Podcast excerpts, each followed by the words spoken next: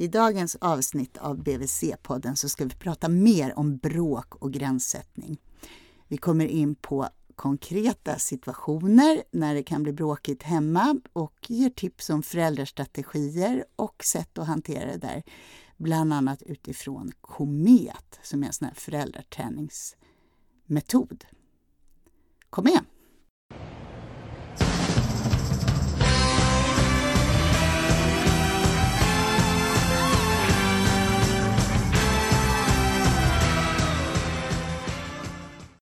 Då ramlar vi rakt in i dagens avsnitt av BVC-podden där vi ska prata lite mer om bråk i småbarnsfamiljer, gränssättning och vilka råd man kan ge till föräldrar på BVC. Vi som gör den här podden jobbar alla på barnhälsovårdsenheten i Stockholms län och jag heter Malin Bergström och är barnpsykolog. Jag heter Katarina Njovius och jag är BHV-sjuksköterska. Och jag heter Klara Lindros och är barnpsykolog. Jag tänkte vi skulle försöka vara så här konkreta kring bråk och konfliktsituationer idag. Men när vi pratade innan så pratade vi om att det är också väldigt olika hur vi ser på bråk som föräldrar eller som människa. Alltså, man kan ha en väldigt lugn och harmonisk familj och ändå uppleva den som bråkig och stökig. Eller liksom, det är svårt att veta liksom, vad man menar med när man säger att det är mycket bråk i en familj. Och bland annat har det där förstås att göra med vilka vi är och vilka barn vi har, Klara, eller hur? Ja, alltså jag tänker att eh, jag tänker att du är inne på två saker nu nästan. Det ena som jag tänker det är att man kanske har helt olika idéer om vad, hur bråket det får vara. Om man tänker sig att det ska vara väldigt lugnt och fint och sansat hela tiden så kommer ju vanliga småbråk som ingår att ja, uppfatta, känna som att oj vad stökigt det här är. Men det andra som jag tänk, antar att du tänker på det är väl det här med att vi har så olika temperament också. Alltså alla människor, både barn och föräldrar. Ehm, vi var inne lite på det när vi pratade om gränssättning förra gången. Att, och vi pratar om hur man kan tänka och sen av, säger vi att ja, men det är ju såklart också upp till varje familj. Man måste titta på sitt eget barn. Och så där är det ju. Har du en jättehetsig liten typ liksom som reagerar på mycket och drar igång och behöver mycket aktivitet. Då behöver du anpassa dig, liksom hjälpa och lugna eller vad det är utifrån det. Ja, och så är det någon annan, så är det någon lugn person som lätt hänger med på föräldrarnas svängar. Liksom. Så det, i, i det du säger nu så ligger det på något sätt att vi inte som föräldrar egentligen skapar våra barn utan vi utsätts för de personligheter eller temperament som de har. Ja, och barnen utsätts för våra temperament och personligheter väldigt mycket. Men när, man, när vi säger temperament, vad är det, vad, hur uttrycker små barns temperament sig? Vad menar man när man säger det?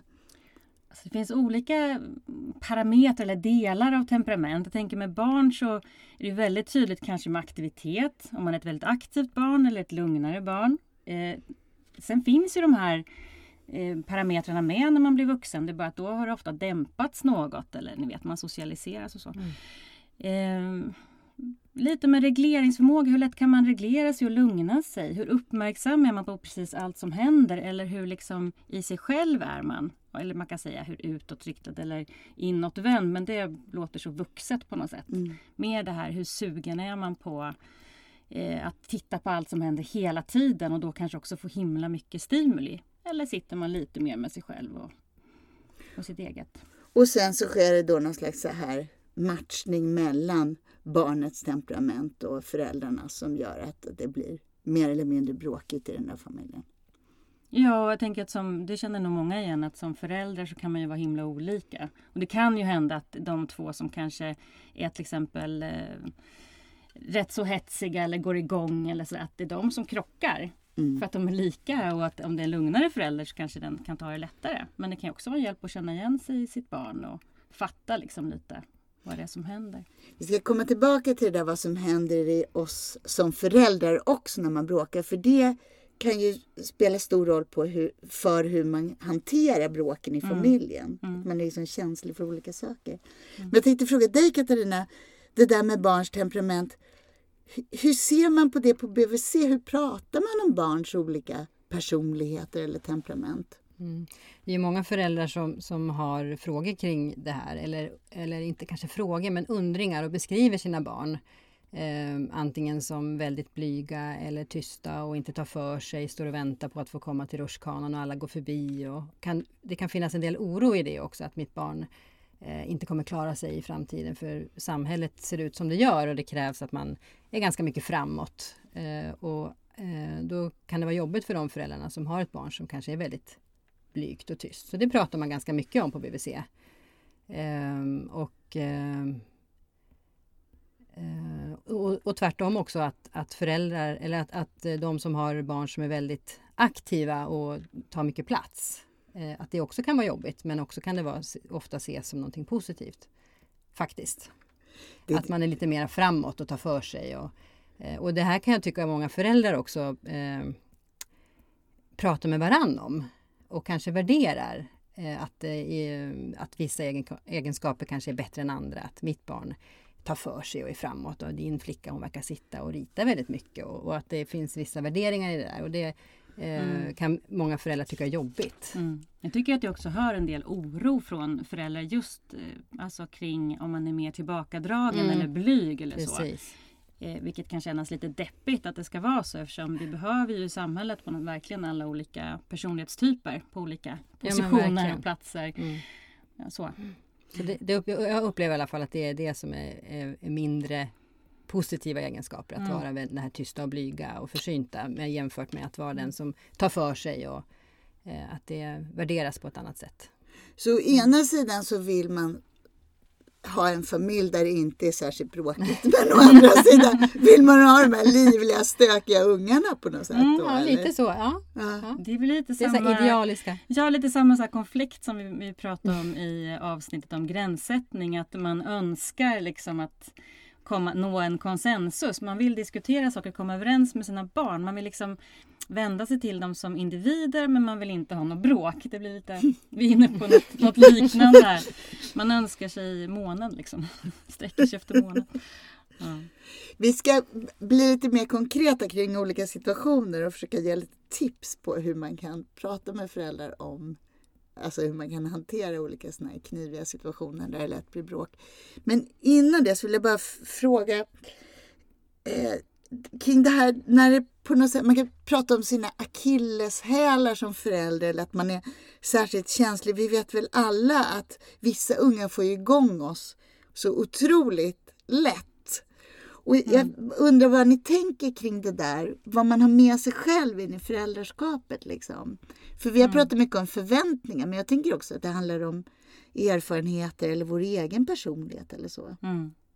Precis, jag tänker att man har med sig förväntningar på hur, hur familjen ska vara, hur man ska vara själv som förälder, hur barnen ska vara. Kanske både utifrån vad man ser i samhället och normer och vad man har med sig.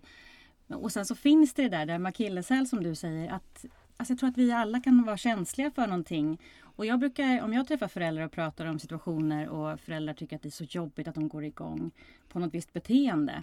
Det är så här, men hur skulle det ha varit när du var liten om du hade betett dig så? Och då är det ofta, ja men det hade mm. varit, mm. det går inte, alltså, det hade varit förbjudet eller då hade det här hänt. Mm. Jag, jag, tror att det, vi, har ju, vi lär oss ju när vi är små vilka små barn, vilka sätt som är accepterade eller kanske känslor som är accepterade. Vissa kanske går igång när barnen gnäller, andra kanske går igång när de är arga. Alltså så. Mm. Utifrån lite grann vad vi, vi har med oss, tänker du? Mm. Mm absolut. Men vad tycker ni om det? Är det bara något som är bra att vara medveten om med sig själv eller är det något man skulle försöka ändra på? Ja. Alltså att vara medveten om saker tänker jag alltid liksom hjälper oss för då kan ju nästa steg vara att vara lite snäll mot sig själv också. Jag tycker mm. det, det som är jobbigt när man är förälder och, och det är ju oftast det att man får dåligt samvete för man har blivit för arg. Jag tror att det där är ett lidande som många föräldrar liksom hamnar i ofta. Man skäms eller man tycker att det här var dåligt. Och att börja med att tänka, jaha varför blev det så här nu? Det kanske inte är så konstigt för när jag var liten var det ju helt förbjudet att sitta och slabba vid maten. Men nu har jag ett helt, en helt annan föräldrastil och då har det blivit mer acceptabelt att slabba. Men samtidigt så bara händer något i mig. Jag får typ knottror på underarmarna när barnet slabbar. Det är ju inte så konstigt för att jag alltså så, att man är lite snäll mot sig själv. Och, och då inte heller får samma påslag kanske så småningom, tänker jag också. Våga, våga, förlåt. Det är lite intressant det där för många föräldrar minns ju sin egen barndom hur man vissa saker som man absolut inte ville bli lik sina föräldrar. Mm. Men då är man ju här. Man, är, man blir ju någon slags ändå omedvetet. Mm. Även fast man har valt en annan föräldrastil eller så, så kommer det fram att man har med sig de där små Mm. akilleshälarna som man inte skulle vilja ha egentligen. Vågar man säga på BVC när man blir för arg? Är det en grej som man vågar säga som förälder till dig som sjuksköterska? Ja, eh, ja det tycker jag. Om, om, jag. om vi har bra kontakt så kan man säga det. Mm. Sen är det helt beroende på vad man är för person själv som förälder. Mm. Om man är så öppen. Eh, men absolut. Och det ska man kunna göra. Det är ju, tycker jag. Det är ju en Det är viktig bra att man kan att säga om. det. Ja. Absolut. Absolut. Men det är inget man kan liksom det bygger ju på någon slags förtroende som du säger. Känner jag inte Absolut. förtroende för min sjuksköterska så vågar jag inte säga det för då kanske jag är rädd att bara att hon ska se ner på mig eller tro att jag är olämplig eller Precis. förstås. Jag tycker att det där med att bli för arg är väldigt lustigt därför att jag tror aldrig jag har träffat en förälder som inte tycker att den blir för arg i princip. Men om man tittar på studier hur mycket bråk som uppstår mellan barn och föräldrar. Det är ju sådär skrattretande och också hur mycket unga söker konflikter på förskolan med varandra. När de, liksom, att de har ju ett behov av att bråka för att lära sig något av det också. Så. Och då är det med felaktiga förväntningar och höga krav på att det ska vara sådär fint och lite kanske nästan vuxet i relationen mellan, en, alltså mellan förälder och barn. Mm. Att man ska nå konsensus, man ska vara överens, man ska ha mysstunder. Mm. Eh, och så blir man besviken och lägger det antingen på sig själv eller på unga som är jobbig. Och att tänka att ja, men, bråk ingår och det utvecklar. Så. Och sen är det ju reparationer hela tiden som vi pratade om förut Katarina. Mm, precis. Alltså att när det har varit bråk så reparerar man och då lär sig barnet att liksom, relationen håller. Mm. Tänker jag. Även om man blir väldigt Ja, relationen håller för bråk och sen blir man sams. Och så, det där är väl en viktig lärdom för livet. Att kunna säga förlåt. Ja, Säga, jag gjorde- det var dumt, det var fel. Som Ja. förälder också, tänker jag. jag tänker att det är så barn lär sig att säga förlåt. Precis. Snarare än det här när man ska försöka tvinga något barn att säga Krama förlåt. bara- henne nu. Säg nu förlåt till Ja, flickan. och så blir det väldigt skamfyllt i en när man ska klämma ur sig det där. Eller så blir det lite mer sådär som vi brukar säga att man, vad heter det, när man är man bara gör det för syns skull liksom. Ja, just Det har man väl sett i parken. Spel de här barnen kulisserna. som säger förlåt innan de ens de vet att det förväntas. Ja. Och så, förlåt och så drar de iväg. Mm. Men det där med att kramas är också hemskt när, man är, när barnet är riktigt Mm, arg på någon och så måste de liksom krama för att göra... Som, som att man skulle vilja krama liksom sin sambo när man precis har bråkat. Även om man har blivit lite sams så vill man nog vänta en liten stund. Så. Jag tänker att vi kan liksom komplettera den här podden med någon slags korsstygnsbroderier som vi kan sälja till BVC där det står så här bråk ingår så att vi så här, Precis. gör klart det, att Mm. det är så livet ser ut. Men vi ska inte prata egentligen om bråk på BVC just nu utan vi tänkte vi skulle komma in på lite så här konkreta situationer när det blir bråkigt hemma. Och då sa du Katarina att klassiska konfliktsituationer i småbarnsfamiljer det är övergångar. Mm. Mellan olika aktiviteter. Att gå till förskolan eller att gå hem från förskolan. Eller att gå och lägga sig. Eller, det är oftast i de situationerna som konflikterna kommer. Mm. Och vad beror det på? Kanske att eh, föräldrar inte... Att man kanske inte förbereder. Vi är redan i, mentalt inställda på att vi ska till förskolan för vi vet att bussen går. Det där lite grann som du pratade om förra podden Klara. Att vi är redan på gång. Och vi eh, tar med oss barnet i farten utan att kanske förbereda och säga att om tio minuter ska vi gå. Eh, det är så olika. En del barn klarar den där snabba, eh, snabba puckarna. Nu går vi. Medan andra barn behöver förberedelse. Mm. Så jag tror att det kanske delvis handlar om det. Mm. Och jag tänker att det kan ju också vara situationer där det finns eh, Ja, alltså övergångar men det också finns en annan känslighet. Till exempel när man ska gå och lägga sig är man egentligen trött. Och trötthet gör ju att det är svårare att vara samarbetsvillig, det är svårare att avsluta och så. Eh, Så jag tänker att läggning är något som jättemånga håller på och, och trilskas med och tycker det är besvärligt. Ehm, och där jag, jag tänker att man behöver fundera också lite grann på just det här med va, hur ser det ut, hur för, väl förbereder barnet och hur har man haft det innan? Är det väldigt ofta bråk? Om vi ska vara lite konkreta nu då och försöka ge lite tips. Om man tycker sig att det alltid strular sig in i bängen liksom kring läggning och det tar en timme och sådär. Då får man väl kanske se till att man eh, tankar på lite, som vi pratat om innan här också med lite god stund. Liksom. För i, i, i vardagen när man hämtar och sen så ser barnen på TV medan man lagar mat och sen är det inte så lång tid till läggning. Har det varit lite bråk där så har det kanske inte... Ah, då finns det kanske en liten stress in i barnet som man behöver ta hand om först innan man fortsätter vidare. Och hur menar du att man ska göra det då? Om man har haft en grinig eftermiddag, man själv har försökt laga mat och ungen är trött och det råkade bli lite för mycket TV och Mm. Och så vill man gärna knyta ihop den där säcken lite snyggt innan mm. man ska somna eller innan barnet somnar. Hur kan man göra det då? Lite så här, ta en liten egen stund när du diskar eller så. Ibland tror jag också att när, eller när vi är trötta eller stressade då tänker vi inte, då bara kör vi. Man, vill, man kan nästan se framför sig att barnet ligger i sängen och sover och det är ens målbild. Man vill komma dit för man vill själv titta på sin serie och få ta det lugnt. Eh, och det är ju inget fel med det, men man vinner ju på att stanna upp och kanske stå en liten stund när man diskar och fundera eller om det finns en annan förälder där. Ja, men nu tänker jag att nu vore det bra att få till någon bra stund. Och innan man går till barnet och säger nu ska vi sova snart och det blir bara nej. Så säger man nu skulle jag vilja leka en stund. Kan vi inte sätta oss här? Mm. Och så kollar man på klockan och det kan så lätt med så små barn räcka med någon kvart, 20 minuter. Så är det som en lång, lång lekstund eller mysstund. Och sen säger man det där att nu börjar det bli dags att lägga sig och nu gör vi det här och så. Så istället för att braka på med den här övergången att nu ska vi gå och lägga oss eller mm. så, så, så blir det först en liten stund ihop när mm. man har det bra innan man mm. kommer dragande med ja, baktanken. Att... Precis, baktankar ska man ju alltid ha. Men man kan hålla tyst om dem så man behöver inte säga först ska vi leka och sen ska vi sova. Utan då kan man hålla lite på det. Men, man, man, kan ju eh, också ta med barnet i matlagningen till exempel eller disken. Eller, det älskar de ju. Ja. Det kan ju också vara den stunden som är den mysiga stunden. Mm. Det kan om man har brist på tid. Jag kanske inte del... har 20 minuter innan sängdags. Liksom. Fast ibland om man tittar på det så kan man känna in den där tiden. Ja. Om man gör ett ja, experiment. Om, om bråket tar en timme och så leker man 20 minuter och sen tar läggningen 20 minuter. Då har man ju vunnit 20 ja. minuter i min, i min 20 hjärna. minuter längre på Netflix. ja, precis. det är det allting går ut på. det att man ska tjäna Netflix. Mm.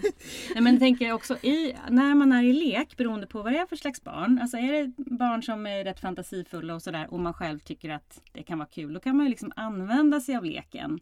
Det kan ju Precis. vara fiffigt. Om man har lekt Pippi så är det ju att nu behöver nog Pippi gå och lägga sig. Eller om man själv har fått vara lilla gubben så behöver lilla gubben faktiskt gå och lägga sig och kan de hjälpa en med det och kanske Pippi borstar tänderna samtidigt. Sådär, lite halvlurigt leka sig dit man vill liksom. Hur viktigt är det med rutiner på kvällarna för att få lugnare läggning? Underlättar det? Det? Tror jag absolut att det gör, att man har någonting som barnet känner igen.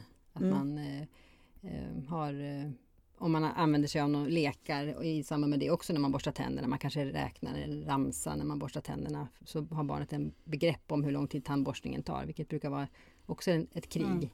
Mm. Att få tänderna borstade. Eh, och eh, ja, men att man har en, man läser en saga, för, gärna samma saga hela året. och eh, att eh, man sätter på pyjamasen, att man har en rutin för det och, och att eh, mamma eller pappa gör det. De kan ha olika rutiner, det går också bra. Mm. Du, den där um, tandborstningen sa du att det kunde bli krig. Va, va, har, ni, har ni några andra tips om hur man kan få med dem på det där tåget? Ja, eh, räkna ramsor. Eh, eh, Sjunga tandborstsången. Leta efter tandtroll kan funka ibland. Mm.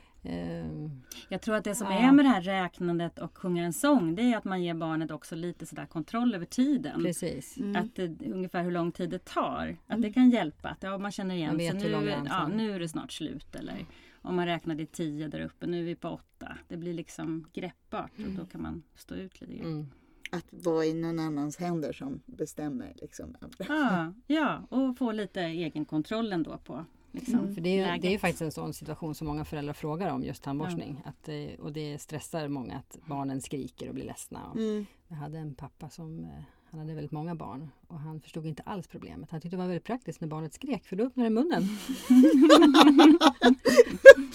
Så man kan se det på olika sätt. Mm. Vad, ni pratar om att leka vid läggning. Det går lite emot vad jag har tänkt. För jag tänker att det stora grejen med hela den här proceduren, utom att, att deras tänder ska klara sig, det är ju att lugna ner dem och komma ner i varv. Mm. Och ha någon slags procedur då som innebär att man hoppar i sängen och letar tandtroll på varandra. Det låter så här... Så man Ja. får igång en. Mm, Men du kanske bara har lekt väldigt sådär häftiga lekar. Man kan ju leka lite lugnt. okej. Bästa leken någonsin om man är trött som förälder är just att leka häst skulle jag bara vilja slå ett slag för. Och att man själv är den trötta hästen som blir omhändertagen. kommer barnet in i något så lugnt, ta hand om och sen kan man ta hand om. Nej men det här är också i en det gör ju övergången mjukare. Sen tänker jag att man, man kommer till sängen och man läser en saga och olika föräldrar har ju olika grejer för sig och barn. En del kanske sjunger små godnattvisor eller en del kittlar dem på ryggen eller ja, sådär. Mm. Mm. Massagesagor är bra Ja. för barn att slappna av. Det funkar jättebra. Mm. Just det, massageager. Kan Mm. du inte berätta om en massageager? Kan ingen i huvudet sådär men det kan man hitta på själv. Mm. eh, och använda sig av strykningar eh, Mm. på ryggen. Och, eh, ja, eller på armar eller vad man nu Mm. vill. Eh, och och eh, göra en liten saga av det. Att årstiderna kan vara en sån här, som man, solen går upp och snön kommer. Och det det. regnar och åskar och så man, Mm. man, ritar man blixtar på barnets rygg. Och Mm. sådär. Det, det är väldigt uppskattat. Mm. Jag tänker det blir liksom det blir en rutin, det blir en igenkänning, det blir fysisk kontakt Precis. som lugnar och så blir den där lite mjuka rösten som man har när man säger att och så kommer solen. Alltså, så, Och det lugnar faktiskt saga. föräldern också. Mm. Inte bara barnet. Mm. Så man tänker liksom råden kring att undvika konflikter på kvällar. Det handlar dels om att öppna med att ha det mysigt ihop Klara, som du sa. Och sen att leka sig igenom eh, så att barnet får lite en känsla av kontroll över situationen och avrunda med såna här mysiga, mjuka massagegrejer eller man ligger och gosar i sängen Mm. eller man är en trött häst som Mm. har ni några andra så här, konflikttips som, som har med kvällar och läggning att göra? Alltså, jag tänker lite att det är svårt, när man, alltid när man pratar så här då allmänt så blir det svårt tycker jag. För att min käpphäst är ju att man hela tiden måste se till varje barn och varje familj. Det det där med att börja leka och ge positiv tid, det kan ju vara utifrån att jag tänkte att är det så att man haft det lite bråkigt och tjorvigt och då behövs det. För någon annan kanske det är mer att det behövs väldigt mycket tydlighet. Om man funderar på hur man gör som förälder så kanske det är lite för olika och lite för otydligt. Och man kanske lät barnet börja leka en lek som man egentligen vet tar för lång tid. Så, så att, eh, egentligen så vill jag bara först också säga att om man tycker att det är besvärligt i till exempel, alltså läggningsstation, titta på hur den ser ut. Och är det någonting som verkar funka och något som inte verkar funka, alltså gör en liten analys av just ditt barn och er situation och så. Om man är två föräldrar och det är smidigare för den ena än den andra att lägga och det blir mer bråk med den andra, ska man Mm. låta den som det blir minst bråk med göra det då? Vad tycker du? Jag, eh, jag tycker inte det. Jaha! Nej, men jag kan tycka att man kanske ska eh, att, att man ska turas om då och säga idag är det pappa, imorgon är det mamma. Och att man uppmuntrar till att det också blir en mysig stund. Eh, det brukar oftast funka tycker jag. Det, jag tror, Mm. vad säger du Klara? Nej men jag tycker som du också. Ja. Jag tycker att man ska ja, alltså, bara jobba vidare och, och gneta på. Det är ju väldigt tråkigt att vara den där som barnet inte vill ska lägga en. Alltså, det är tufft för den som får höra det. Och då är det inte lika kul att gå in i läggningen heller om det är någon som skriker nej jag vill pappa istället. Eller, Men det kan man- ju, det, förlåt att jag avbröt, Ja. men det kan ju också vara sådär att den, person, den föräldern som inte barnet vill ska natta kanske behöver också sätta in lite på bankomaten som du brukar prata om. Sätta in Så lite, lite tid där för, att, för att då kanske man blir lite mer populär när man ska Ja. gå och lägga sig. Eller så är det mer att den andra föräldern har lagt jättemycket och, och det är ett sånt vanebestämt Ja, barn som precis. tycker att det ska vara så här. Eh, eller så är det så att den som man vill ska lägga gör det på ett sätt som barnet gillar mer. Man får väl prata ihop sig kring det. Mm. Men ba, alltså barn är ju mammiga och pappiga och ibland sitter det i hela tiden och ibland är det i perioder. Och det där får man ju liksom hantera lite varsamt tänker jag också i sin föräldrarelation. Att det måste vara okej att barn är mamma och pappa. Man kan ju fundera på om det beror på att en faktiskt spenderar för lite Mm, tid mm. eller gör för lite bra saker. Men ibland är det ju bara så att man har, man har liksom kittat på sin ena förälder lite mer. Kanske passar eller så. Och då behöver man ju peppa den i alla fall tänker jag. Alltså den, den föräldern som är mest populär ett tag behöver ju stötta den andra. Så om det blir Precis. mycket bråk Mm. mellan ett barn och en förälder då tycker ni egentligen båda två att det finns mer att vinna på att man tar sig igenom de där konflikterna och hittar Mm. nya sätt som Mm. blir mindre bråkiga för Ja. att lägga än att man backar ytterligare eller backar liksom från den. Mm. kan man ju göra ett tag kanske om det har varit Jo, riktigt bråkigt. jo precis. Men, men jag tycker nog att Mm. man ska försöka få det mera Mm. jämlikt för båda föräldrarna. Och Du det är nä- för barnets skull. Förlåt, men jag bara säga, det kan ju bli också en sån här jättetjatig grej. Liksom. Alltså, apropå trots och så, det kan ju bli en grej som, som man fastnar i med, med barn. Att man, nej, då ska man skrika och så, så till slut får man den föräldern som man hade velat från början. Vilket är en jättejobbig liksom, procedur för alla. För Mm. barn och för den föräldern som får höra att nej, inte den här. Inte Mm. du. Mm. Och då, då tänker jag att då behöver man vara sådär lite som vi sa kring gränssättning. Att okej, nu vill du hellre pappa. Men det är mamma som lägger. Mm. Och sen i, inte göra någon stor grej av det och inte prata om det. Är man jätteledsen efteråt som man kan bli. Då får man väl gråta ut i den andras famn och få pepp och tröst att ja, snart vänder väl det här. Mm. Men att man är supertydlig mot barnet om man har bestämt sig för det. Får jag göra en liten brasklapp här. Vi pratar om mammor och pappor men det är klart att för, det kan ju vara familjer som ser ut på lite olika sätt. Absolut. Eller hur? Men Ja. vi, nu gör vi det för enkelhetens skull på något Mm, sätt. är Nästa, avsnitt får vi väl uttrycka oss på något annat sätt kanske så vi Mm. hamnar rätt. Du sa någonting om bankomaten. Vad, Mm. vad tänkte du på då?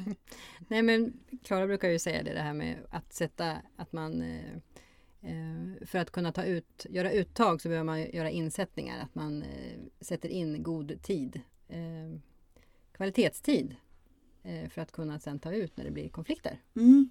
Och det är väl en typ av sån här grej kanske att, att eh, den ena föräldern kanske inte har spenderat så mycket tid med barnet och då väljer barnet den andra föräldern.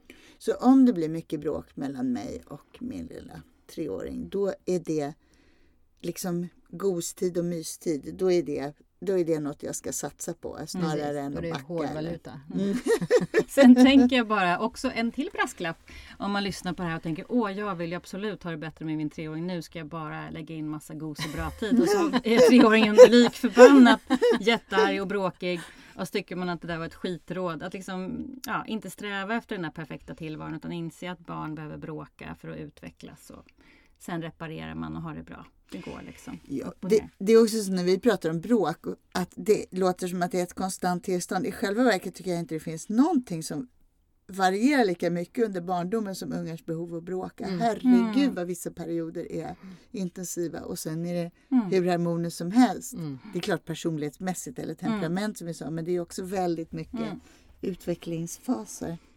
Det är det ju. Så när man pratar om de här olika strategierna när det har blivit för mycket bråk. Då tänker jag som, som barnpsykolog som har liksom träffat många familjer där det helt har liksom gått i baklås eller man har hamnat i en väldigt negativ cirkel. Liksom, där man känner att man också är väldigt arg på sitt barn ofta och trött på det och skäller ofta och barnet är väldigt argt ofta. Så inte det här vanliga att det ändå trotsas och bråkas och så. Det får man leva med. Vi, morgonen är väl en annan sån här klassikersituation när det är lätt att det kan bli lite konflikter. Vad har ni några tips kring hur man hanterar de morgnarna? Ja, jag tänker, det är ju, delvis är det ju samma som du sa Katarina, att, det är, alltså att rutiner och vara tydlig och förbereda sa du innan man går iväg. Mm. När vi pratade om det här innan du och jag Katarina sa vi att det kan vara så alltså, olika också mycket tid man har. Att en del föräldrar har ju rätt mycket tid på morgonen innan Ja. man går iväg. Då kanske barnet hinner komma in i lek och liksom vara inne i något. Det kanske ibland till och med är svårare. För en del är det mer man går upp. Sätter på kläderna och Ja. äter frukost på dagis. Ja, det kanske enklast ibland också. Jo men vad tycker ni om sånt? Är inte det att smita från något föräldraransvar? Ska inte man sträva efter att det är liksom en trevlig frukost med ekologiska produkter vid köksbordet på vardagsmorgnar? Jag tror, jag tror att eh, sträva kan man göra. Ja, helgerna får man väl ägna då. Men alla kan ju inte göra så. Livet ser ju inte ut så. Man Mm. har ju arbete och tider att passa. Mm. Eh, Och förskoletider att passa också för den Mm. delen. Så att för en del så blir det ju inte så. Då måste man ju ta den snabba vägen. Mm. Och Eh. utgå från alltså, ditt läge. Får du till de där mysiga eh, frukostarna med någon slags bra mat så är väl det härligt. Och är det så att ja, men nu har vi, nu, just nu är det bara så jobbigt att få till frukosten. Jag är själv och det är de här tre barnen och de här två ska till förskolan och den här ska till skolan och det är lite kaos. Då tänker jag att man, man gör det så bra som möjligt. Det är inte så skönt för barn heller att ha det superbråket varje morgon. Då kanske det är skönare att få hoppa i sin eh, overall eller jacka och liksom åka till förskolan. Så då menar du att, att, man, att man hanterar morgnar på ett sätt så att det inte blir bråkigt. Det kan vara mer värt än att det blir ekologisk havregrynsgröt. Ja, och utifrån det här och att lite bråk kan ändå ingå. Men om man känner att det, nu är det mest bara jobbigt och kaos och barnen hinner ju slåss medan jag ska... Mm. De, så, att det ställer till det liksom. Det är väl det här med att ha, ha, ta rimliga förväntningar och fundera, liksom, tänka på vad som funkar. Och sen att man, man kan ju faktiskt ställa klockan en kvart tidigare. Och, och, så man har lite mer tid på sig. Jo men så säger man ju, men har man själv någonsin gjort det? Nej. Hur bråkigt det än har varit. inte jag! Det finns de som gör det, jag vet det. Jag har träffat några som går upp tidigt och Men, gör ja, något eget. har man, det på, ja, man, kan, man kanske gör det om man har riktigt bråkigt. Mm. Då är man så det. trött Då är- så då sover man. Okej. Men då är det lite också att samla egen energi. Att jag tar lite kaffe eller vad jag nu behöver för att innan jag liksom... En del vuxna behöver ju en liten, en, det kanske räcker med fem minuter själv innan resten av gänget vaknar. Så Absolut. kanske man klarar det bättre. Det är lite samma råd som att man, att man tar ett äpple och sitter på en parkbänk i fem minuter innan man hämtar på förskolan. Liksom, och bara kommer, hittar sin, någon bra Balans, andning. Och, precis. precis. Och jag menar, ju, på morgnarna kan man ju också använda sig av lek, precis som på kvällen. Att man använder sig av när kläder ska på. och Att man eh, tävlar om det eller hur man nu gör. Det beror på vad man har för barn. Men, eh, Mm. Mm och att man kanske förbereder det också dagen innan. Att man kanske redan har tagit fram vad barnet ska ha på sig. En del små eh, primadonnor i förskoleålder som är väldigt noga med sina kläder. Då kan det, det kan vara jätteskönt lång att ha lagt fram det tillsammans dagen innan. Och möjligtvis att man får välja mellan en röd eller en, en rosa t-shirt då eller Mm. så. Eller som jag tänker som jag har hört att Petter när han har pratat om sin barndom att hans mamma hade la, la fram kläderna som en brandman och pratade om det. Att det här är liksom brandmanspåklädning. Man lägger dem i den Det är ordningen som man tar lek. på sig dem. Det Är det väl hip- hiphop-Petter? Ja, precis. Va, vad säger ni om TV på morgnarna då? Ja, för en del eh, är det nog ett nödvändigt ont för att få det att gå ihop, Mm. tänker jag. Ja, jag tänk, man, får väl, man får väl tänka ut det själv. Alltså, tänka vad, vad, hur mycket tid har vi sen? Är det så att frukosten är den enda gången man ses så kan jag tycka att det är lite deppigt att bara se på TV då. Men är det så att nej, men vi, vi ses sen, vi äter mat ihop eller vi gör den här grejen. Och det är det sättet som jag får ihop det. Då sitter tre barn som ljus och äter frukost och klär på sig till den där påklädningsleken som de har på Bolibompa. Mm. Så kan ju det också vara ett sätt att få till det. Så det kan faktiskt vara ganska mysigt och inte bara en sån här nödlösning.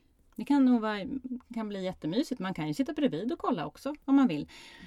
Ehm, Jag tänker att barn ofta tycker att det är mysigt. ja, de tycker det är mysigt förstås, de där barnen. Om vi ska tänka på dem. Och vi kan väl också tycka det är mysigt. Jag tänker det är lite samma som vi pratade om förra gången. Med, om man har, en, man har olika ideal och olika perfekta bilder av hur det ska vara. Ja. Ibland kanske man behöver rucka på några saker och hitta något annat sätt att ha det mysigt på. Mm. Det viktiga är att kolla, ja, men har vi det mysigt ibland? När har vi det mysigt?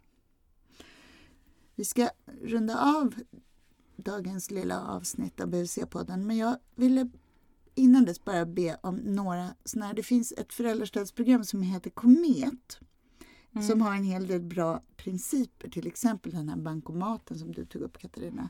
Jag tänkte att vi skulle avrunda med att du kunde få berätta om några till av de där Klara. Mm.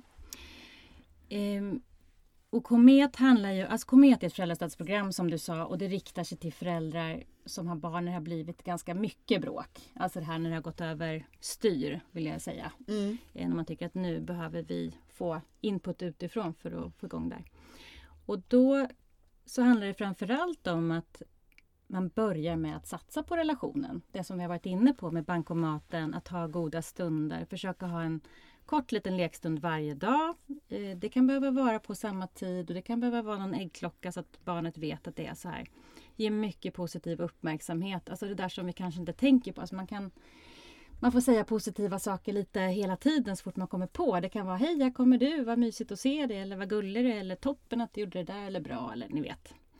Bara se till att uppmärksamma allt som är bra för ofta är det så att det blir så mycket bråk då har vi ju ett barn som ställer till det och får väldigt mycket skäll. Mm. Då vet man att då får man väldigt mycket negativ uppmärksamhet. Så du menar att det är helt enkelt effektivt att istället för att kolla på konfliktlösningsstrategier så är det Mm. mer effektivt att satsa på Precis. att man... Och när vi har, för jag har ju eh, haft sådana kometgrupper och då börjar vi alltid med att säga att nu vill ju ni veta hur ni ska hantera bråken. Men det kommer vi göra gång vad det nu är, åtta eller nio. Utan vi börjar med att satsa på basen eh, som är relationen och att lägga till så mycket positivt och ta bort mycket negativt. Försöka att hålla eh, tant för tunga och inte säga varenda liten sak som man stör sig på. Utan vilka saker kan man släppa nu? Inte för all framtid utan just nu när vi vänder den här onda cirkeln. Det är det man börjar med och sen så börjar man tänka på sånt som vi också har pratat om här med rutiner och strukturer, förbereda barnet. Det kan vara ta små bildstödsscheman så att liksom barn får så mycket kontroll som möjligt på läget. Och vad är ett bildstödsschema? Eh, det, kan, det är att man eh, för en dag eller för en vecka eh, sätter upp vad det är som händer. Det kan vara bara för morgonen. Att man gör fem små rutor och i den första kanske det är kissa. Och i den andra är det äta frukost. Den tredje är det Eh, vad gör man mer? Borsta tänderna. Alltså, ja, och att barnet får gå och titta på det där för att få en egen koll eftersom man inte har det. Det är många barn som tycker jättemycket om det. Eh, barn med liksom neuropsykiatri har ju ofta väldigt god hjälp av det men de flesta barn tycker om det för att de har ju inte samma koll på läget som vi har. Så håller man på med det och sen brukar det vara så här att då har jättemycket av konflikterna försvunnit i min erfarenhet. Att ibland är det, finns det inga, inga konflikter mer, mer än det vanliga liksom, att hantera. Och gör det det så börjar man fundera på hur man kan hantera dem och då handlar det rätt mycket om faktiskt att lära sig hantera sin egen stress och ilska eller ledsnad. Att ha en egen time-out och räkna till tio så man inte... Alltså till exempel om man går igång på någonting, om man har en sån här akilleshäl eh, så är det väldigt mycket det. Och då menar du att istället för att barnet ska hamna i skamvrån eller sitta på någon skämspall Mm. eller så, så är det jag som förälder som tränar Inte ska hamna på någon skämspall utan jätteviktigt att man är snäll mot sig själv också som förälder. Man tar det lugnt när man känner att nu håller jag på att gå igång. Man kanske, om finns det en partner så ber man den att kliva in ett tag. Eh, Så att nu kokar jag snart över och jag behöver gå undan, låsa in mig. Det är bättre att gå in på toa en stund, eh, även om barnet står och bankar, än att stå och, och skrika och sen kanske tycka det är jobbigt. Men ingen skämspall utan också vara snäll mot sig själv. För att har det varit jättebråkigt länge så är man ofta ett slut. Liksom, sådär, och utmattad. Det är ju ett stort jobb att göra det här. Jag brukar jag också säga till föräldrar när de börjar. Det är inte så här gratis. Det är ju ett jobb som man gör. Mm. Då ska vi säga tack för idag kanske. Mm. Är vi nöjda så? Du ser tveksam ut Klara. Jag, jag tänkte att eh, du sa förra gången att vi skulle ha någon sista liten Sista orden. Mm. Mm. Vill du ha dem? Ja, jag vill ju ha dem. Ja, du får Jag är dem. sugen på får dem. Nej, men, men vad som var viktigast. Och, för att ibland när man pratar så här så blir det så lätt tycker jag. Eller det känns så i mig när jag pratar att nu blir det mycket, ja så ska man göra och si och så. Men jag hoppas att det går fram att det verkligen handlar om att titta till sig själv och sina behov och sitt eget barn och vad det barnet behöver på olika sätt och, och inte snegla så mycket på hur andra gör och så. Utan snarare liksom nyfiket utforska vad behöver den här lilla parven som jag är förälder till. Och för oss blev det inte som det blev för grannen men vi gör så här istället och det är bra liksom. Så man inte har för höga krav på sig själv och att det är helt okej med bråk. Det har vi i och för sig sagt några gånger. Och så ska föräldrar känna och sen så ska man som BVC-sjuksköterska också då hitta de där råden som passar just den där familjen. Eller så. Fast jag känner när du säger råd, jag Mm. känner att många gånger så är det så att föräldrarna själv vet eh, efter att man har fått prata en stund.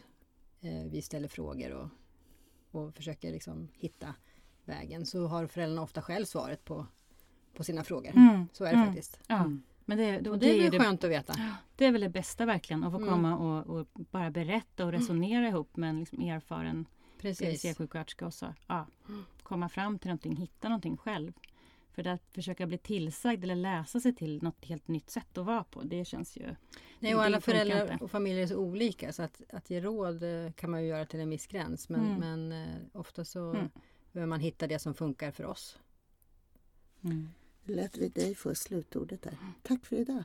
Tack. Tack.